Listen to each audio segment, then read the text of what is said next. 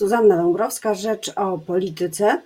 E, dużo się dzieje. Unia Europejska walczy o paszporty covidowe, tak zwane paszporty covidowe, byśmy mogli jeździć po całej Europie co najmniej. Wszyscy się szczepią na potęgę. Senat przygotowuje do głosowania nad e, funduszami europejskimi, a lider Platformy Obywatelskiej Borys Budka przeskoczył nieufności samego Jarosława Kaczyńskiego. O tym wszystkim za chwilę z moim gościem. Dzień dobry. Andrzej Halicki, eurodeputowany Platformy Obywatelskiej. Dzień dobry, dzień dobry, witam z Brukseli słonecznej. Mam nadzieję, że w Warszawie też. E, w Polsce także słonecznie, wreszcie się coś zgadza między Warszawą a Brukselą w takim razie. Niech to będzie chociaż e, pogoda, jeżeli nic więcej, jeżeli nic więcej albo niewiele więcej się da. A o tym, że niewiele więcej świadczy ranking, e, który pokazuje, że wzrósł sceptycyzm Polaków wobec Unii Europejskiej Kilka dni temu Rzeczpospolita publikowała wyniki, zgodnie z którymi niewiele ponad 50% e, Polaków ufa tej instytucji. Czy to jest zasługa takiej kampanii pewnej niechęci, podejrzliwości wobec Unii Europejskiej? Na pewno bardzo dużo dezinformacji, ale proszę zauważyć, że też ta kwestia zaufania albo może nadziei związanej z Unią, ona ma też swoją drugą y, stronę mm, tego spadku wiary w skuteczność, mianowicie kwestia praworządności. No przecież y, słyszymy to bardzo często ze ze strony środowisk sędziowskich na przykład, że Trybunał Sprawiedliwości działa powoli, a on przecież działa na wniosek komisji, a komisja mogłaby szybciej, a zajęta jest negocjacjami i tak dalej, i tak dalej. Zresztą jest to przedmiot przecież y, dyskusji no, podczas prac komisji, której jestem członkiem, więc ten temat się też pojawia. Myślę, że y, zaufanie do Unii będzie bardzo rosło, jeżeli rzeczywiście powróci normalność, a to jest kwestia wyszczepienia dużej grupy społecznej, no, mówimy o 70%. To jest także wprowadzenie tych mm, rejestrów y, covidowych, które będą ułatwiały nam podróżowanie, dawały nam pewne bezpieczeństwo.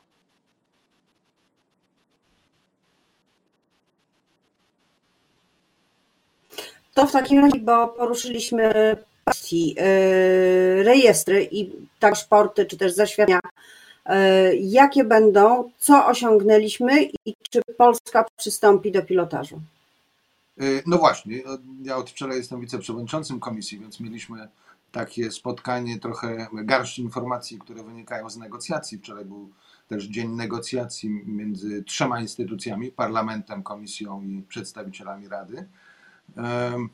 No i tu jest pewna niepokojąca informacja, bo wczoraj w 20 państwach członkowskich rozpoczęto już testowanie tych systemów. Niestety nie jest w tej grupie Polska. To oznacza, że, no, że znów jesteśmy gdzieś tam na końcu, a przecież y, trzeba mieć pewność, że Polacy nie będą obok tego systemu, nie będą dyskryminowani, czy nie będą, e, nie będą stanowić kłopotu. System opiera się na trzech rejestrach. Pierwszy dotyczy szczepień właśnie. Czyli krótko mówiąc, tu ze strony parlamentu jest oczekiwanie, że będą to certyfikaty szczepionek e, użytych i akceptowanych przez EMA jako dowód na pewnego rodzaju bezpieczeństwo. No ale przecież nie wszyscy będą zaszczepieni. W związku z tym, żeby nie było osób wykluczonych, dyskryminowanych, a tak być nie może, drugim elementem jest testowanie. I tu jest znów pewna bariera. Rządy muszą się zgodzić co do tego, nie wszystkie to akceptują. Uważamy jako parlamentarzyści, że ten dostęp musi być powszechny, a więc testy muszą być bezpłatne. No bo inaczej znów powstaje pewnego rodzaju wykluczenie i, e, i dlaczego miałyby e, rządy, czy jakieś agencje, czy instytucje na tym mocno zarabiać. Ale na to muszą się znów zdecydować wszyscy, żeby wszyscy mieli takie same warunki. I trzeci element to jest zbiór danych dotyczących choroby. E, wszystkie te trzy elementy muszą być dostępne w każdym miejscu. QR kod to udostępnia, więc można powiedzieć, że ten system nie jest jakiś bardzo kosztowny. Dla każdego kraju członkowskiego przeznaczone jest milion euro na skonstruowanie tego systemu i wprowadzenie, no tylko trzeba to zrobić mm, w sposób kompatybilny, jednakowy, e, no też taki, żeby był, była możliwość odczytywania danych gdziekolwiek jesteśmy. Od kiedy? Od kiedy jest szansa, że mimo tego, że państwa wciąż się jeszcze różnią e, w niektórych, e, co do niektórych rozwiązań, to będziemy mogli z tego korzystać? Państwa się Ta różnią. magiczna data wakacyjna. Tak, że mamy, oczywiście nie chcemy stracić wakacji, więc mogę powiedzieć, że kalendarz ułożony jest w ten sposób, że najbliższa sesja w przyszłym tygodniu, właśnie ze względu na te różnice, nie będzie pewnie związana z finalnym głosowaniem w parlamencie. Ono raczej będzie miało miejsce na następnej sesji, czyli na początku czerwca. A to oznacza, że w czerwcu można już uruchomić komisję, rozporządzenia i tak dalej w sposób praktyczny, przy, na, przy naszej parlamentu zgodzie, yy, i objąć wszystkich obywateli takim mechanizmem, takim, takim yy, no właśnie, nie, nie, ja bym nie używał tego słowa paszport, bo nam się kojarzy z jakimiś wizami, z dokumentem drukowanym. Nie wszyscy muszą mieć komórki, ale ten QR kod można także wydrukować. To może być forma papierowa, ale chodzi o to, że ta dostępność i czytelność odczytu tego e, musi być po prostu powszechna wszędzie, dostępna i jednakowa. I po to, żeby to były też bezpieczne dane, no właśnie, Estończycy znakomicie scyfryzowani na przykład stawiają warunek, że musi to być też związane z elektrycznym podpisem, czyli zgodą obywatela na ten zbiór danych, jednocześnie z gwarancją nieużywania ich w żaden inny sposób, czyli tak. A to już jest kłopot, podpis. A to już jest kłopot, bo na przykład my nie mamy wszyscy, w Estonii wszyscy mają podpis elektroniczny, bo jest obowiązkowy, powszechny, a my nie. Więc ten warunek znów e, od strony technicznej, owszem, uzasadniony w kwestii bezpieczeństwa, ale nie może być e, wymagany od wszystkich, bo znowu będzie wykluczał. Wykluczał całkiem duże grupy społeczne. I takich technicznych pytań jest, jest kilka. Ja liczę na to porozumienie. Wczoraj jeszcze nie zostało osiągnięte. Panie pośle, y, jak można ocenić z perspektywy Brukseli i Parlamentu Europejskiego proces ratyfikacji podziału środków własnych Unii Europejskiej, tak zwanego Funduszu Europejskiego e, popandemicznego? E, Czy Polska jest e, trochę opóźniona, czy też wcale nie? Cały czas Prawo i Sprawiedliwość mówiło, że jest dużo czasu na to mm, i nie wszystkie państwa ratyfikowały. Czyli co, zdążyliśmy, zdążymy? Owszem, ale proces ratyfikacyjny nie został zakończony, został e, uruchomiony właściwie we wszystkich. Nie został zakończony e, w Polsce, na Węgrzech i Austrii. E, Więc to już jest końcówka. To rzeczywiście można powiedzieć, że no znów niepotrzebnie zaczynają na nas patrzeć, no bo przecież to dotyczy wszystkich. I ja chciałem powiedzieć, że co do funduszu, to fundusz powstał w zeszłym roku i on de facto od 1 stycznia istnieje. On nie operuje na rynkach kapitałowych, no ponieważ nie ma zgody wszystkich państw ku temu. E, W związku z tym gotowość jest, instytucja jest, e, jest chęć, żeby już w lipcu mogły te pieniądze trafiać bezpośrednio do obywateli, do podmiotów, e, do firm, do samorządów. E, I na ten temat będziemy znowu rozmawiać w parlamencie. To po raz pierwszy w takim e, prawdziwym, pełnym wymiarze. W parlamencie jest 25-osobowa grupa, przypominam. To jest komitet monitorujący, czyli od komisji dostajemy materiały jako parlamentarzyści, e, jakie materiały zostały złożone.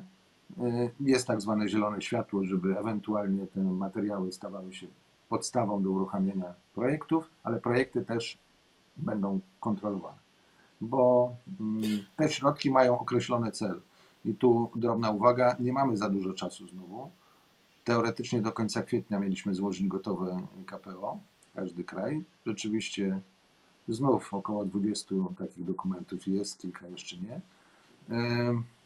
No a to jest związane. e, Ale Polska złożyła 30 E, kwietnia. No, mogę powiedzieć, że złożyła częściowy dokument niekompletny. Po pierwsze, nie dotyczą kredytów, a więc tylko połowy kwoty potencjalnej. I oczywiście można z tym jeszcze poczekać kilka miesięcy, ale tak naprawdę te zobowiązania kredytowe no, trzeba określić, czy jesteśmy zainteresowani, czy- nie. Ja nie rozumiem, dlaczego nie mielibyśmy być zainteresowani środkami, które mogą się okazać bezzwrotnymi w 2028, jeżeli będziemy mieli te przychody własne, od których zaczęliśmy rozmowę.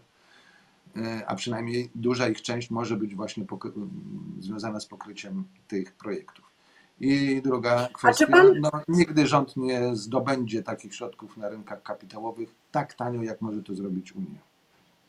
No oczywiście, lepsza pozycja przetargowa, ale czy pan wierzy w to, jako parlamentarzysta w Polsce opozycji, a w y, Parlamencie Europejskim przedstawiciel większości?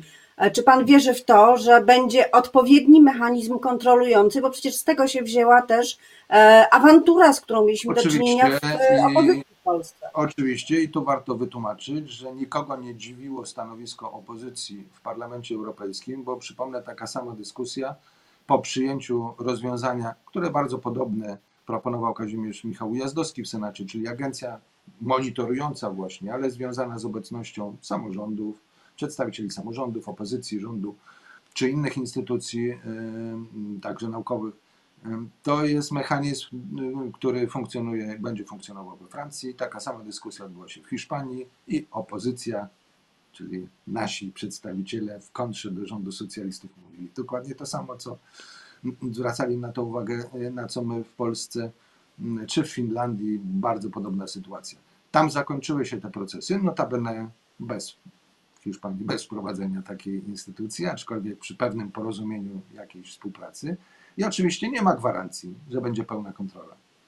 My możemy się tylko starać o to, żeby informację mieć pełną i to już będzie współpraca parlamentu z komisją, Ym, ale to nie jest mechanizm, który, no, którego tutaj, krótko mówiąc, możemy nadużywać, bo wszystkim zależy na tym, żeby te pieniądze jak najszybciej trafiały do, do, do ostatecznych odbiorców.